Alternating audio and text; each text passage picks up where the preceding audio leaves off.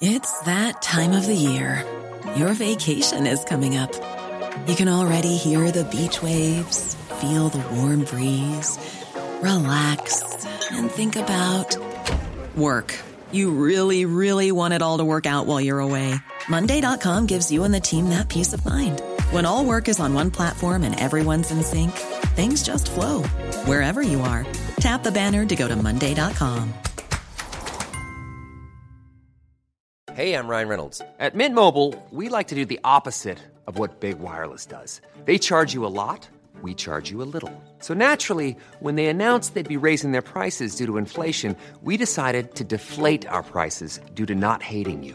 That's right. We're cutting the price of Mint Unlimited from $30 a month to just $15 a month. Give it a try at mintmobile.com slash switch. $45 upfront for three months plus taxes and fees. Promote for new customers for limited time. Unlimited more than 40 gigabytes per month. Slows. Full terms at mintmobile.com. Burrow is a furniture company known for timeless design and thoughtful construction and free shipping. And that extends to their outdoor collection. Their outdoor furniture is built to withstand the elements, featuring rust-proof stainless steel hardware, weather-ready teak, and quick-dry foam cushions. For Memorial Day, get 15% off your Burrow purchase at burrow.com slash ACAST and up to 25% off outdoor. That's up to 25% off outdoor furniture at burrow.com slash ACAST.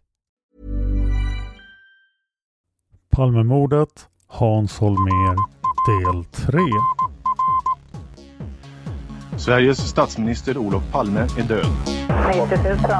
Ja, det är mord på Sveavägen. Hörde de säger att det är Palme som är skjuten.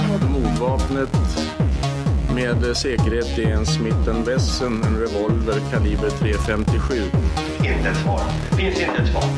För jag har inget. Och jag har inte varit Polisen söker en man i 35 till 40-årsåldern med mörkt hår och lång mörk rock. Välkommen till podden Palmemordet som idag görs av mig, Dan Hörning.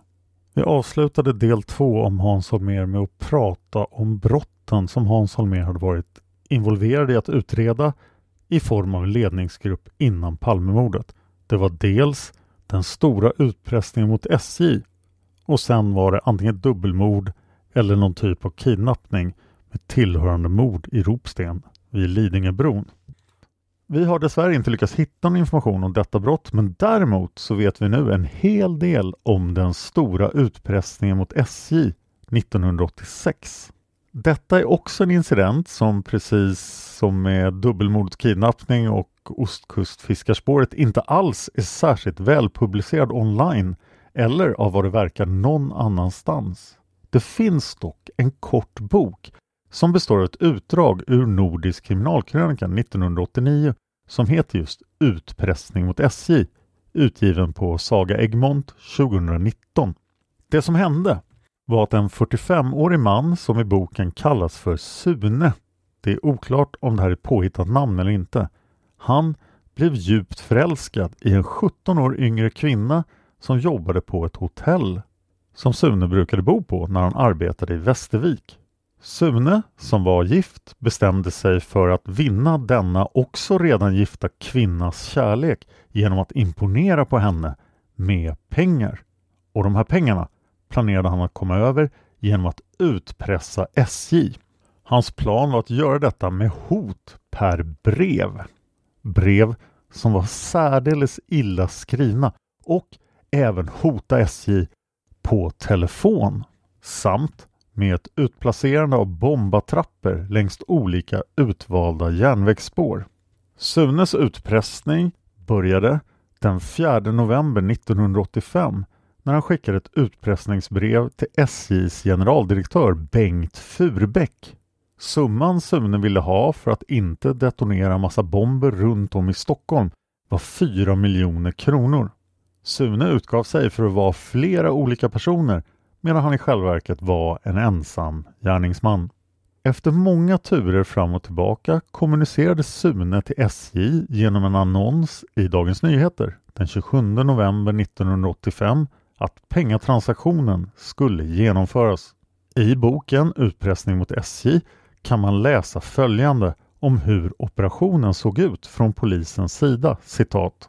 Centralt skulle operationen ledas från ledningsrummet av länspolismästare Hans Holmér, polisöverintendent Hans Wranghult och polisintendent Tommy Lindström. Slutcitat. Efter några intensiva dagar i ett anmärkningsvärt ruskigt snöoväder kunde Sune gripas den 3 december 1985. Det var ingen mindre än Hans Holmér själv som gav orden om själva gripandet. Sune dömdes först till sex års fängelse för fullbordad utpressning, försök till allmänfarlig ödeläggelse samt förberedelse till allmänfarlig ödeläggelse. Domen föll den 11 juli 1986. Sune fick dock lite senare ändrad påföljd till rättspsykiatrisk vård med medicinering i ett år. 17 dagar efter att förundersökningsprotokollet för utpressningsfallet slutfördes mördades statsminister Olof Palme. Lasse Lampers påpekar också i Tobias intervju med honom att Hans Holmér bara vände papper och var administratör i de här utredningarna. Vände papper medan grabbarna på gatan gjorde jobbet. Enligt juristkommissionens rapport såg den tidigaste formen av Palmeutredningens spaningsledning ut så här, citat. Polisöverintendenten Hans Ranghult, chefen för våldsroten, kommissarien Nils Linder, chefen för spaningssektionen, polisintendenten Lennart Petersson, chefen för tekniska roten, kommissarien Vincent Lange samt från Rikspolisstyrelsen chefen för Rikskriminalsektionen polisintendenten Tommy Lindström och en representant för säkerhetsavdelningen. Till gruppen knyts också en observatör från justitiedepartementet. Hos Gunnar Wall kan man läsa att denna observatör är Claes Bergenstrand. Hans Holmers presstalesman blev Leif Hallberg. Klockan 12 nästa dag på söndagen den 2 mars håller Hans Holmér i presskonferens nummer två. Denna gång berättar han att en grovkalibrig kula har hittats vid brottsplatsen och att man i nuläget efterlyser potentiella vittnen till vad som har hänt. Det är den här andra presskonferensen som cementerar Hans Holmers publika image i utredningsfasens tidigaste skede. Holmer uppfattas som väldigt attraktiv av många kvinnor, kanske för att han ger intrycket av att vara en beslutsam och handfast person. Han verkar vara en karakar som tänker lösa fallet. Av den anledningen drar folk paralleller till den världsberömde skådespelaren Clint Eastwood som många nog tänkte på på grund av Eastwoods filmroll som den hårdkokte kriminalaren Harry Callahan i filmserien om Dirty Harry som 1986 bestod av fyra stycken filmer.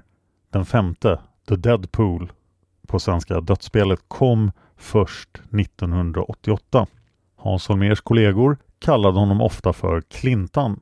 Holmer skulle från och med nu dessutom göra sig känd för ett målande och bildskapande språk där han talade om ljus. Det han kallade för ljus var de tips som inkom till spaningsgruppen och bland hans ljusliknelser kan nämnas citat Man tänder ett ljus för varje gång vi får upp ett spår och citat Vi har tusen ljus för närvarande. Den eh, senare repliken för att kommentera att han vid ett tillfälle satt på väldigt många tips. Ljusliknelsen förekommer förstås i många sammanhang men den är inspirerad av den antike kinesiske filosofen och skaparen av konfucianismen, nämligen Konfucius, som levde mellan 551 och 479 f.Kr.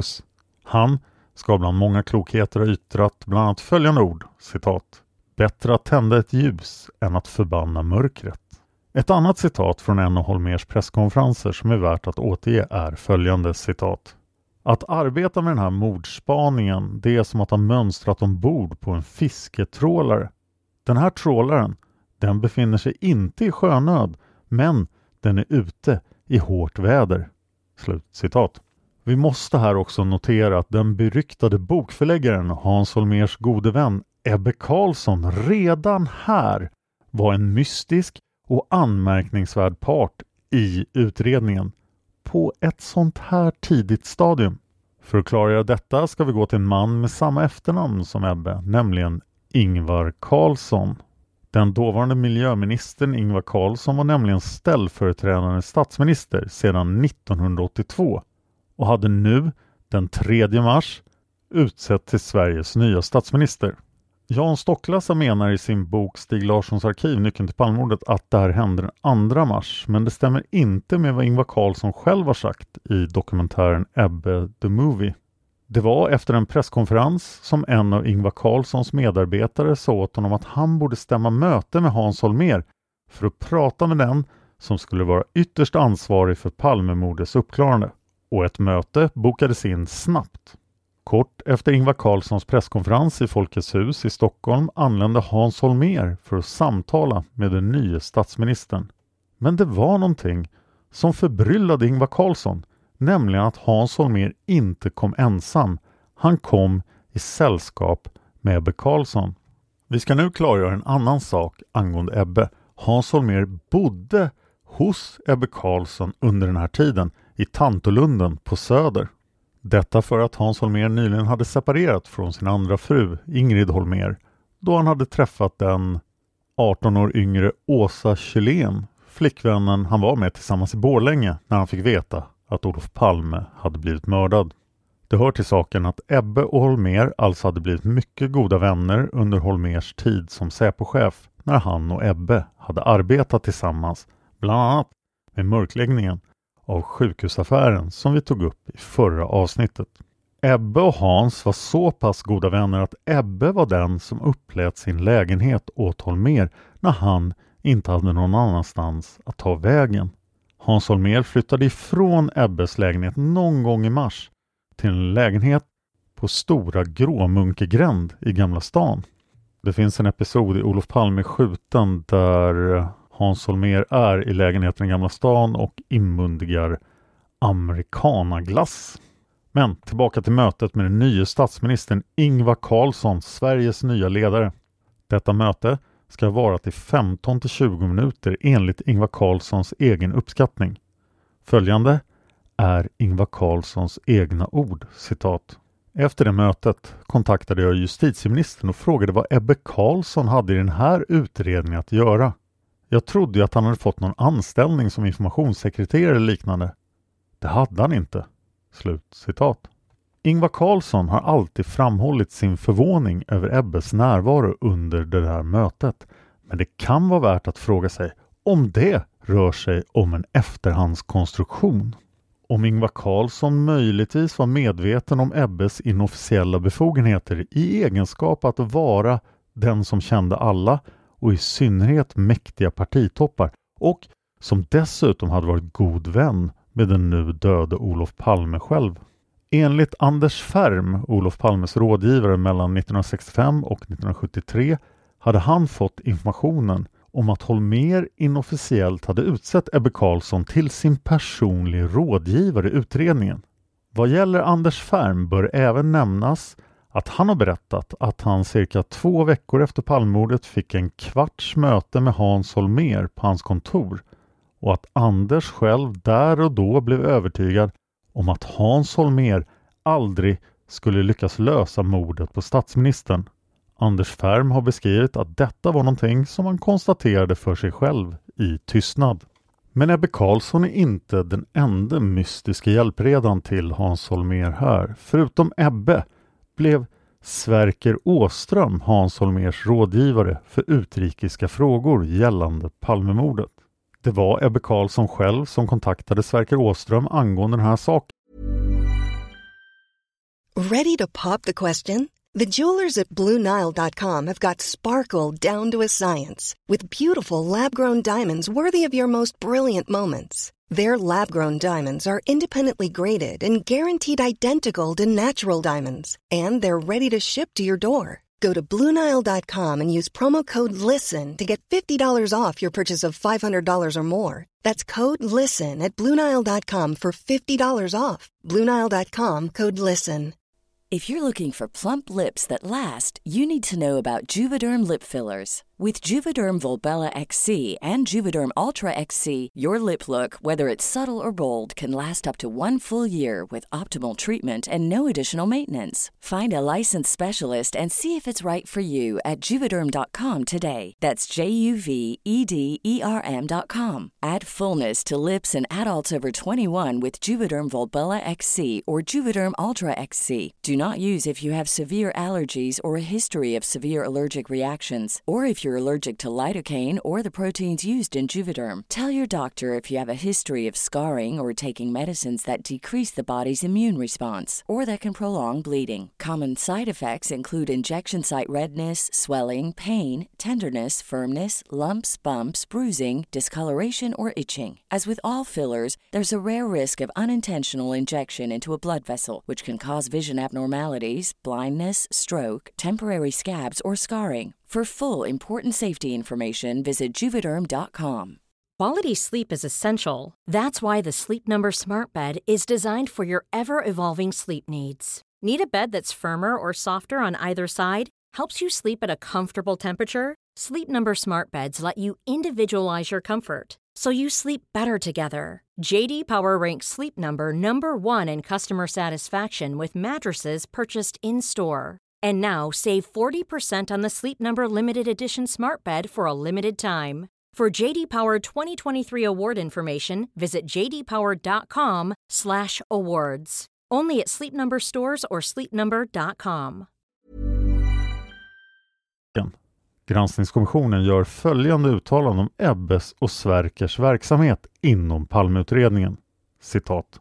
Bägge fick uppdrag som privatpersoner. Bägge tilläts företräda statsmakten. Inget av uppdragen formaliserades i beslut eller var resultat av en beslutsgång som innefattade befogenhet att ge uppdrag av det här slaget. Bägge gick som barn i huset i regeringskansliet. Bägge anförtroddes hemliga handlingar. Ingen av dem avlönades ekonomiskt. Slut citat. Det är anmärkningsvärt att Hans Holmér inte bara utsåg sig själv till spaningsledare utan en formaliserad process utan dessutom tidigt valde att omge sig med personer eller rådgivare som inte var formellt kvalificerade att bistå honom i utredningen. Gunnar Wall säger följande om det här och Sverker Åström i mörkläggning på sid 168. Citat. Ett annat tecken på att Holmers ledning av mordutredningen hade en informell men tung politisk sanktion var hans nära samarbete med den pensionerade toppdiplomaten Sverker Åström, en person som var väl sedd i regeringen. Redan på kvällen måndagen den 3 mars, samma dag som han hade haft ett långt besök av Ebbe Carlsson på polishuset, åkte Hans Holmér hem till Åström i Vasastan. Jag kände Sverker Åström väl sedan tidigare och min uppfattning om honom har under åren varit mycket hög. Jag såg det som ett bekymmer att få en vettig samtalspartner när det gällde en del aspekter på utländska företeelser eftersom jag förstod att utrikesdepartementet inte kunde vara någon pingpongpartner och då kom jag att tänka på Sverker. Så beskrev Hans Holmér saken för juristkommissionen strax efter att han hade avgått som spaningsledare. Han menade att man kunde säga att Åström fungerade som någon sorts konsult åt Palmeutredningen och på den grundvalen kom de två att träffas ungefär var fjortonde dag. Holmer har utfärdat omdömen om många personer som förekommer i Palmeutredningen. Det om Åström är ett av de få som är rakt igenom välvilliga. Det är till och med smått beundrande. Holmer säger Hur kan man beskriva Sverker Åström? Jo, han är kanske Sveriges mest erfarna och högst aktade diplomat.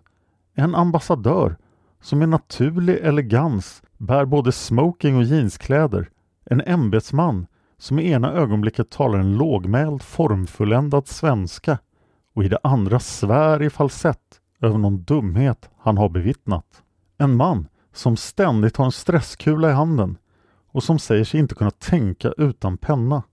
Lika gigantisk vid förhandlingsbordet som blygsam i umgänget. Sverker Åström skulle under det följande året ägna åtskillig tid åt att hjälpa Hans Holmér med Palmeutredningen på frivillig basis. Han har själv gjort en poäng av att han inte har fått en krona för uppdraget. Sverker Åström skriver en promemoria. Den här promemorian som Sverker upprättade efter den första kontakten med Hans Holmér och Ebbe Carlsson har i huvudet texten citat Utrikesdepartementet politiska avdelningen promemoria 1986 0304 för Hans Holmér efter samtal kvällen den 3 mars. Slutcitat. Den har i övrigt följande lydelse. Promemorian inleds med citat Möjligheten är att mordet har begåtts av representant för utländsk grupp, lejd mördare eller fanatisk medlem. Det här måste givetvis studeras noggrant. Här är några tankar. Slutcitat. Vi hoppar över de fem första tankarna. Det är föremål för ett annat avsnitt. Men tanke nummer sex från Sverker Åström är citat 6. Punkt. Kurderna har organisationer som kämpar med våld. PKK som i Sverige beräknas ha flera hundra medlemmar är uttryckligen betecknad som terroristorganisation enligt terroristlagen. Vilka motiv skulle de kunna tänkas ha? Möjligen två, ett mera långsiktigt och ett mera omedelbart. Det förra, det allmänna förhållandet att de känner sig diskriminerade i Sverige. Hur starka sådana stämningar är och om någon antydan gjorts om våldsanvändning bör väl Säpo känna till? Det höga straffet för den kurd som nyligen dömdes för mordet i Medborgarhuset måste uppenbarligen ha väckt starka känslor hos vissa kurder här. Åter gäller att Säpo bör känna till hur diskussionen gått i de kurdiska kretsarna. Slutcitat. Och ja, Säpo har funderat väldigt mycket på det här men det ska vi komma tillbaka till i ett senare avsnitt. Sverker Åström avslutar promemorian med citat 10.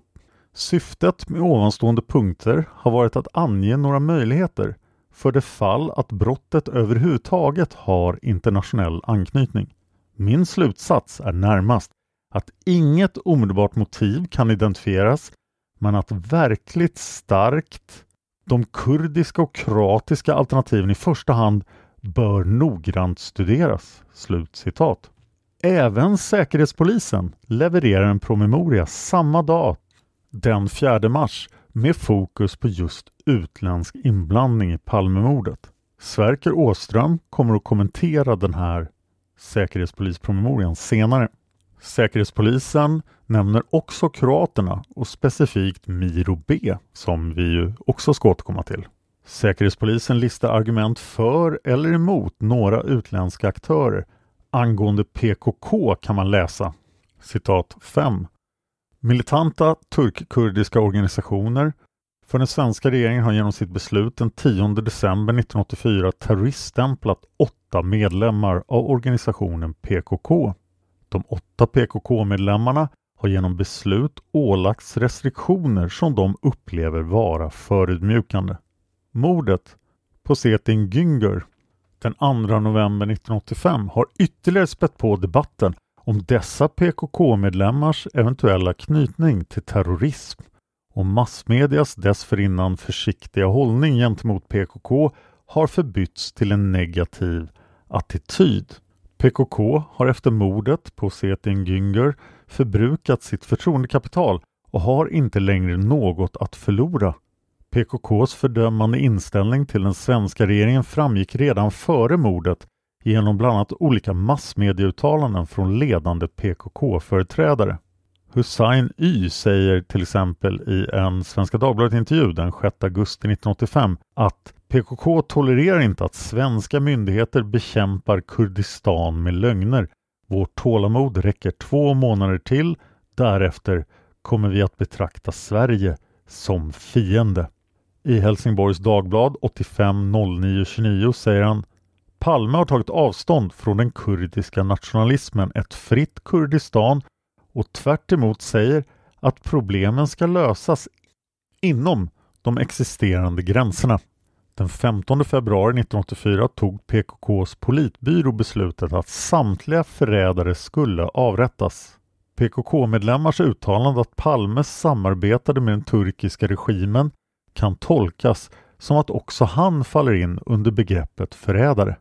Vid en husrannsakan den 2 mars 1986 hos en av de terroriststämplade kurderna anträffades en bok som bland annat är en rapport om Palme och den svenska regeringen.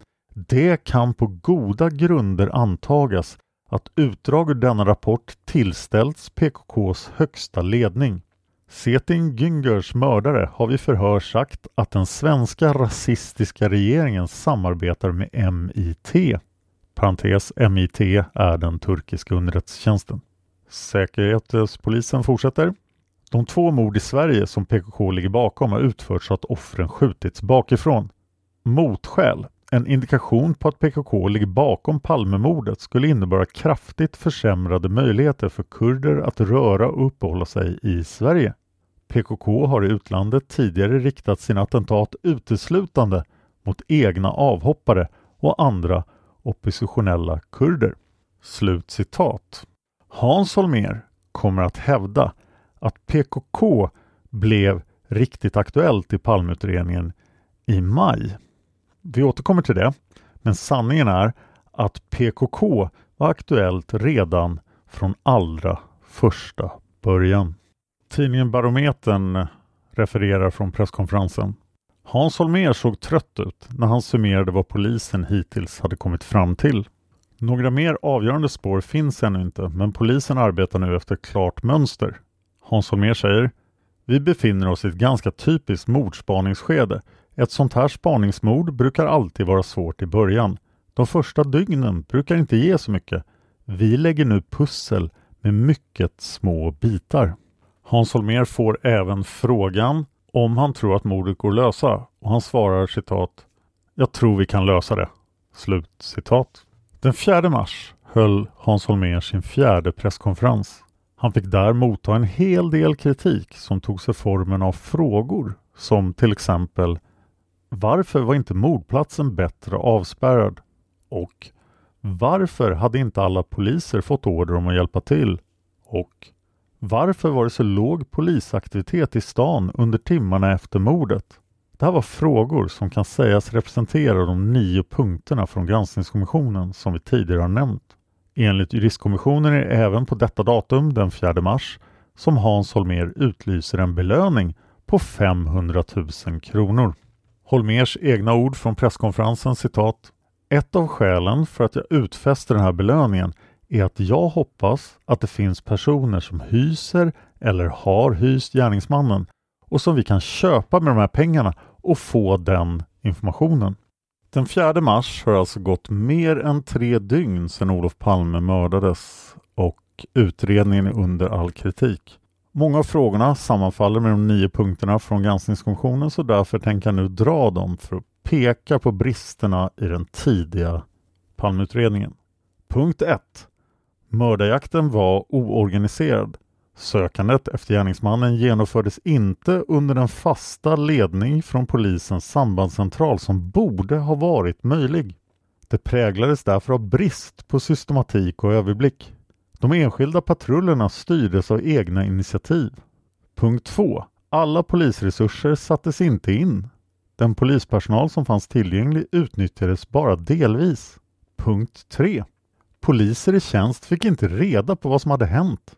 Det förblev under flera timmar okänt för många polismän i tjänstgöring på olika håll i Stockholm att statsministern hade blivit skjuten på öppen gata och att en beväpnad mördare befann sig på flykt från brottsplatsen. Punkt 4. Ingen allmän avspärrning genomfördes. Inte heller några mer begränsade systematiska åtgärder av typen spärrning av gator eller områden i närheten av brottsplatsen, organiserad kontroll av fordon vid utfarterna eller liknande utfördes. Punkt 5. Andra polisdistrikt underrättades inte. Någon underrättelse om mordet gick i inledningsskedet inte ut till andra polisdistrikt, vare sig till de närmast angränsande distrikten eller andra distrikt inom länet eller i landet i övrigt. Punkt 6. Avspärrningen och bevakningen av brottsplatsen var otillräcklig. När den egentliga brottsplatsundersökningen skulle göras på morgonen efter mordet hade människor kunnat beträda mordplatsen och kasta in saker på denna. Punkt 7 var den vi tog tidigare om befälsförhållandena. Punkt 8. Dokumentationen i sambandscentralen av de åtgärder som vidtogs var bristfällig. Punkt 9. Rikslarm gick inte ut. När det gick ut var det fel. När det efter ungefär två och en halv timme sändes ut skedde det utan ledningens kontroll. Det angav två gärningsmän. Nytt rikslarm sändes ut vid femtiden på morgonen. Även det innehöll uppgifter som inte beaktade allt som var känt.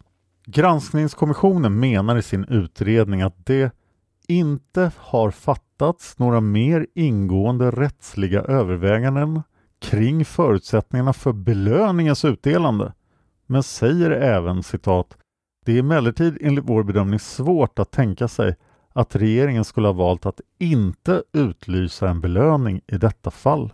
Slutcitat. Efter den här presskonferensen den 4 mars ska Hans Holmér ha träffat journalisten Ann-Marie Åseden och sagt följande till henne. Citat. Det kändes nästan som att de anklagade oss. Nästan som att vi hade del i mordet. Det är möjligt att vi kritiseras, men det får vi ta itu med efteråt. Nu måste vi få arbetsro. Och det kan man ju tycka var en ganska stark känslomässig reaktion på befogade frågor.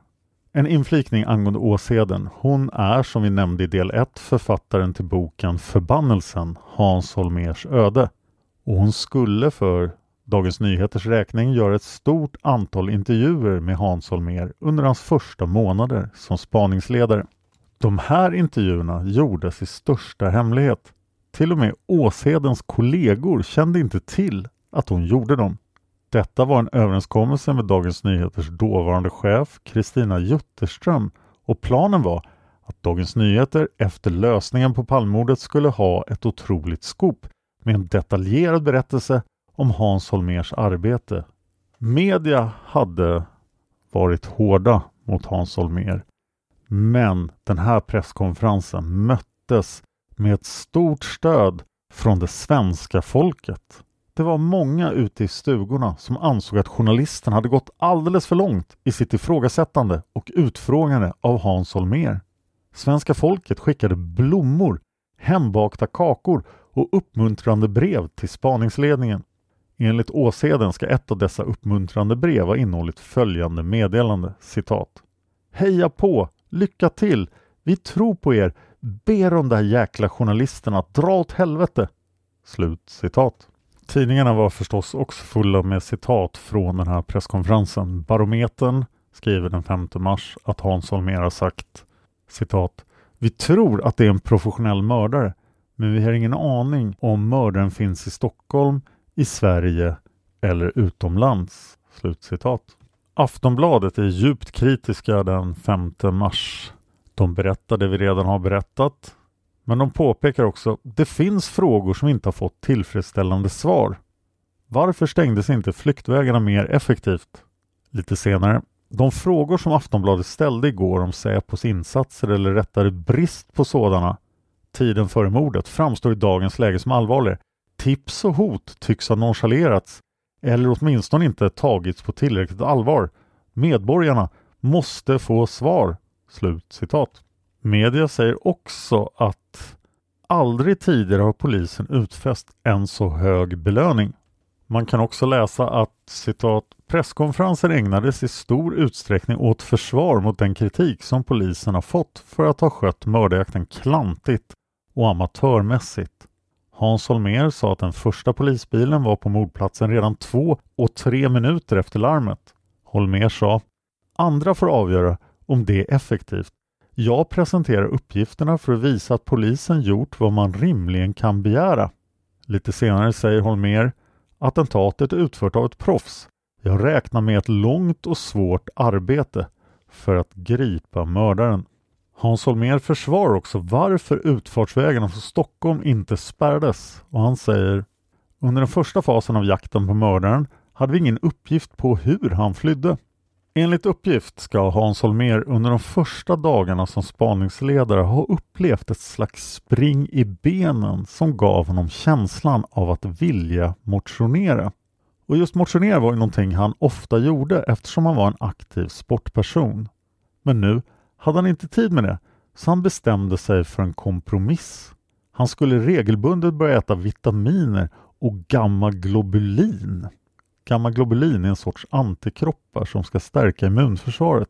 Det fanns tidigare som läkemedel i vätskeform för injektion för att behandla främst hepatit A och mässling. Det är oklart hur Hans Holmér administrerade det här gammaglobulinet. Vi vet inte vilka vitaminer han åt och i vilken omfattning eller om det fungerade, om det stimulerade hans anda och arbetsförmåga. Men uppgiften kommer från förbannelsen. Hans Holmers arbete med Palmemordet bedrivs i det så kallade Palmerummet som även har kallats för Palmearkivet i media. Från början är Palmerummet ett fönsterlöst rum som har beskrivits som en bunker belägen i polishuset i Stockholm. Det finns ett mindre intilliggande rum som används av Holmér när han vill diskutera synnerligen prekära detaljer i fallet endast med några få utvalda. Senare i april flyttas verksamheten till ett större rum med fönster, också med ett tillhörande mindre rum där särskilt känsliga uppgifter behandlas utan alla utredares vetskap. Flytten till det nya större rummet sker den 11 april 86 och det är även då rummet tilldelas just namnet Palmerummet av Holmer och kompani. Men vi är en lång bit från april i vårt narrativ och fram till dess är Palmerummet utan namn och en kvalmig och fönsterlös affär där Holmer och spaningsgruppen arbetar. Hos Åsheden kan man läsa att citat ”känslan av instängdhet nästan går att ta på” slutcitat i Palmerummet då. En rutin i rummet blir att spela in alla möten och samtal på band. Det är någonting som journalisten Jan Guillou långt senare skulle kalla för citat ”en idé så befängd att bara Hans Holmér kunde komma på den”. Vi kommer att få anledning att återkomma till dessa bandinspelningar senare. Ni hörde några av dem i Lasse Lampers dokumentär Palmemördaren och ja, vi försöker förstås komma över så många av dessa inspelningar som möjligt från Palmeutredningen. I Palmerummet, både den första och den senare inkarnationen, utvecklas det en hjärtlig jargong med många konstiga smeknamn för de intressanta personerna som behandlas i arbetet, alltså vittnen, personer som potentiellt vet någonting om ministermordet och misstänkta. Namnen låter lite grann som söderslang. Bland dessa kan nämnas namn som Gitarrkliaren, A-lagen, Vietnamesen, N-ordet, Bulgaren, H-ordet på Gotland med flera. H-ordet syftade på en prostituerad. Vi låter er som lyssnar själva roa er med att para ihop rätt person med rätt smeknamn i den utsträckning som det är möjligt. Gunnar Wall beskriver ett av de första mötena för spaningsledningen i Palmerummet, alltså det lilla Palmerummet som inte har något namn. Han skriver på sid 155 i mörkläggning på förmiddagen tisdagen den 4 mars, mindre än fyra dygn efter mordet, hölls ett av de första mötena med den då ännu inte färdigformade spaningsledningen. Hans Holmér inledde med att presentera några tankegångar om mordutredningen och om brottet. Så här står det i mötesprotokollet. Holmér. Informationen sammanbinds i ledningsgruppen. Vi-känslan är viktig. Den får inte försvinna. Bedömning av gärningsmannen 1. Yrkesmördare 2. Det finns ett dussintal organisationer som är intressanta, särskilt kurderna. Skälet till bedömning är att det rör sig om en yrkesmördare. A. Skjuten bakifrån. Gärningsmannen har inte kontakt med offret. B. Grovt vapen. Gunnar Wall säger Här finns redan allting. Polisens ledningsgrupp som under Holmers överinseende ska hålla i alla trådar. Vi-känslan som ska byggas upp bakom Holmers linje gentemot alla utomstående. Och gärningsmannen som enligt Holmer är en yrkesmördare utsänd av en organisation.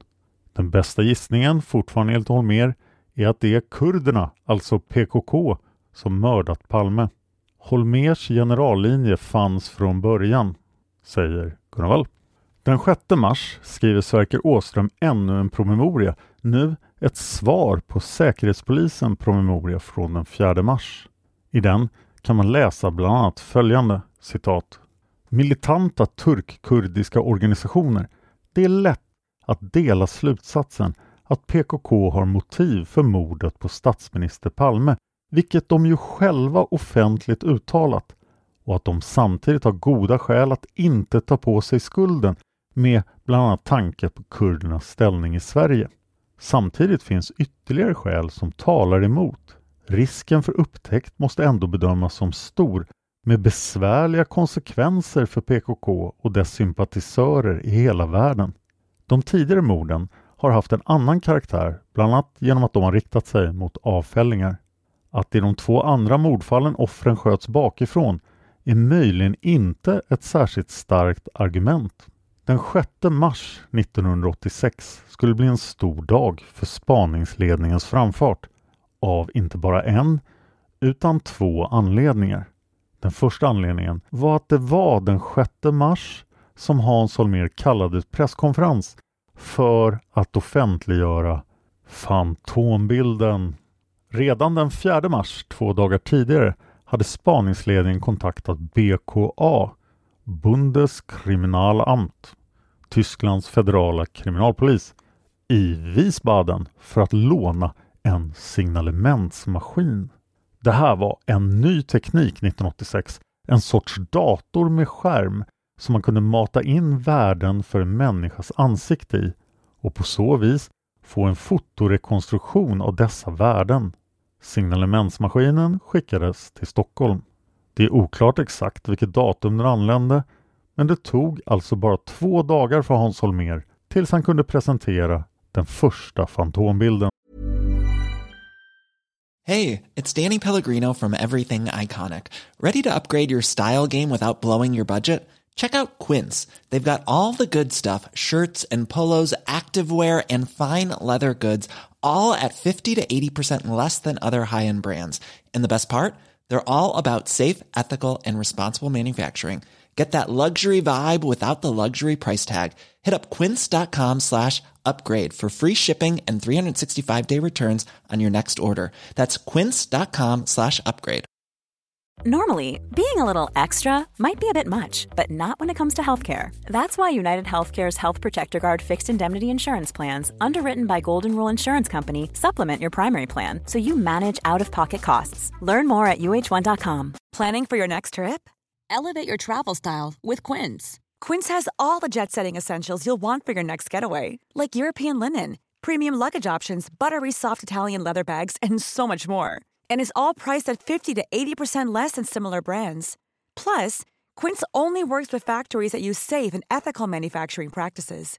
Pack your bags with high-quality essentials you'll be wearing for vacations to come with Quince. Go to quince.com/pack for free shipping and 365-day returns. Vi ska citera uppgifter om saken från granskningskommissionen, sid 252. Den första bilden offentliggjordes den 6 mars 1986 klockan 08.00.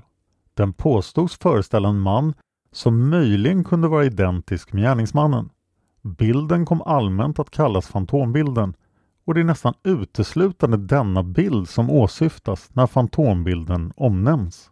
Vi kan här flika in med att presentationen av denna fantombild var första gången ordet fantombild överhuvudtaget användes i Sverige efter tyskans fantombild. Detta enligt Jan Stocklassa i boken Stig Larssons arkiv. Nämnas kan även att bilden känd som fantombilden även kom att kallas för mördaren då bilden presenterades på ett sådant sätt att man skulle anta att detta mycket väl kunde vara personen som handgripligen hade skjutit Olof Palme. GRK säger vidare citat Iakttagelsen som bilden bygger på hade gjorts av en kvinna, Susanne T, även kallad Tecknerskan, den 28 februari 1986 mellan klockan 23.30 och 23.40. Susanne T hade vid denna tid för en kort stund lämnat restaurang Alexandra där hon befann sig och via personalutgången tagit sig ut på Smala gränd. När hon hade öppnat porten mot Smala gränd hade hon nästan stött ihop med en man som gick ihopkrupen med händerna i byxfickorna. När mannen fick syn på henne hade han sett förskräckt ut och vänt sig om. Därefter hade han skyndat på sina steg och i snickarbacken hade han tagit av åt höger mot Birger Jarlsgatan. Susanne T hade lämnat ett utförligt signalement på mannen och hade också gjort en egen teckning av honom. Slut citat. Vi kan berätta att Susanne T's fullständiga namn idag är känt som Sanna Törneman. I Hans Holmérs egen bok Olof Palme är skjuten kan man läsa att Sanna trädde fram i offentligheten redan hösten 1986. Hans Holmérs offentliggörande av Fantombilden är ett särdeles kritiserat drag i spaningsledningens arbete. Det har kallats för förvillande, oansvarigt, meningslöst och rent utav för ett PR-jippo. Menar man det sista ligger det nära till hands att påstå att det förstås såg väldigt bra ut att avancerad teknisk utrustning skickades till Sverige från Tyskland och att det endast sex dagar efter Palmemordet kunde presenteras ett fotografi föreställande den misstänkte gärningsmannen. Men det var ju inte den misstänkte gärningsmannen som syntes på bilden utan en man som hade iakttagits några hundra meter från brottsplatsen på Sveavägen lång tid efter mordet och som inte har kunnat knytas till brottsplatsen på något sätt. Den operativa chefen på Säpo, PG Ness, som var med i ledningsgruppen, har vid ett senare tillfälle sagt att denna första fantombild ledde till 7000 ända upp till 8000 tips. PG Ness har även sagt citat en bild av detta slag bör inte publiceras förrän det material som redan finns är genomarbetat. Medan det här pågår görs ett antal utredningsåtgärder mot kurder. Gunnar Wall säger i Mörkläggning på sid 116 Alldeles efter mordet på Palme förhördes ett antal kurdiska PKK-anhängare av Rikskriminalen. Ibland gick det brutalt till. Thomas Kanger har i sin bok om mordutredningen skildrat hur polisen kommit hem till en man, hans hustru och deras fyra barn. De sätter handbojor på samtliga förutom till väntande bilar inför ögonen på häpet stirrande grannar. Två av barnen är minderåriga. Familjen körs till polishuset på Kungsholmen där den hålls kvar i över tio timmar. Även barnen frågas ut om vilka familjen umgås med och vad man pratar om hemma. Ändå Inga konkreta misstankar kopplar PKK eller enskilda PKK-anhängare till brottet. Det hela är en ren rutinåtgärd från polisens sida inom ramen för de direktiv som Hans Holmér har gett till Rikskriminalens chef Tommy Lindström. En av de journalister som i olika sammanhang har slagit larm om rättsövergrepp mot PKK-sympatiserande kurder var Jan Guillou. En vecka efter mordet skrev han en svart satirisk krönika om nationen och mördarjakten. Där hette det bland annat citat Det blir bara en sak kvar om mördaren inte grips. Säpo och deras journalister på Svenska Dagbladet och Expressen kommer att infånga en handfull kurder och möjligen utvisa dem i klump. Bevisen räckte inte för en rättegång, men mördaren fanns nog i klumpen. För övrigt var bevisen hemliga. Slutcitat. Den här krönikan publicerades i tidskriften Folket i Bild Kulturfront och nådde därför bara en begränsad läsekrets. Det var kanske synd. I efterhand framstår den som nästan kusligt profetisk. Men det är inte PKK som blir aktuellt den 6 mars. Som vi sa var det inte bara offentliggörandet av fantombilden som gjorde den 6 mars till en speciell dag. Det fanns två anledningar. Den andra anledningen var att det var på detta datum som det för första gången väcktes misstankar mot en man som i utredningsfasens tidigaste skede kallades för 32-åringen men som sedan blev 33-åringen för att därefter bli Viktor G och idag känner de flesta honom som Viktor Gunnarsson. Till dags dato har Palmemordet gjort ett stort antal avsnitt som specifikt behandlar Viktor Gunnarsson och ännu fler där han medverkar som innehåll i avsnitt med annan inriktning, till exempel Mordets psykologi del 1. Av den anledningen hänvisar vi förstås till de avsnitten för en djupdykning i detaljerna kring Palmeutredningens första riktigt intressanta misstänkte. Men det som vi kommer att redogöra för i just detta avsnitt kommer att vara Hans Holmers relation till arbetet med Viktor Gunnarsson. Kort summering. Viktor Gunnarsson blev intressant när han blev ett återkommande namn bland alla tips som utredningen fick in. Ett av dem var redan från den 1 mars. En ung kvinna som hade varit på Mon Cherie på Kungsgatan tillsammans med två väninnor den 28 februari. Det hade uppstått en konversation mellan de tre vännerna och en synnerligen frispråkig man som talade om hur mycket han ogillade Olof Palme. Han ska vid detta tillfälle ha lämnat över ett visitkort till den unga kvinnan som hade namnet Vick G och ett telefonnummer. Exakt vad han sa till kvinnorna kan ni höra i avsnitten Moncherie del 1 och 2. Jag har för övrigt också övervägt att eh, Moncherie Mon ska vara stället där vi avslutar Palmevandringarna i fortsättningen. Jag har inte bestämt mig än. Det ligger ju en pub där nu som heter Galways. 6 mars bör benämnas som det datum då Viktor Gunnarsson inofficiellt blev utredningens första riktiga misstänkte. Förbannelsen hävdar att det här var datumet då Viktor förhördes för första gången. Officiellt blev Viktor utredningens första misstänkte den 8 mars. För då beslutar åklagaren KG Svensson, som vi nämnde tidigare, utifrån förhöret från den 6 att Viktor Gunnarsson måste tas in på ett nytt förhör och att det även ska genomföras en husrannsakan hos honom. Notera dock att det än så länge inte rör sig om ett anhållande. KG Svenssons första konkreta handling i utredningen den 8 mars sker dock motvilligt och med stor irritation. KG Svensson har redan från början känt sig överkörd av Hans Holmér och det är kanske inte så konstigt.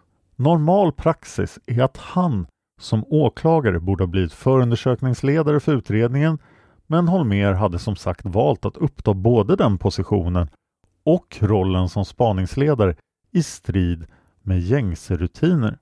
I mordgåtan av Gunnar Wall kan man läsa att när KG Svensson fick veta att Hans Holmér hade hållit en presskonferens dagen efter mordet, då trodde KG Svensson citat bara att länspolismästaren gått in som en kontaktman mellan utredaren och media.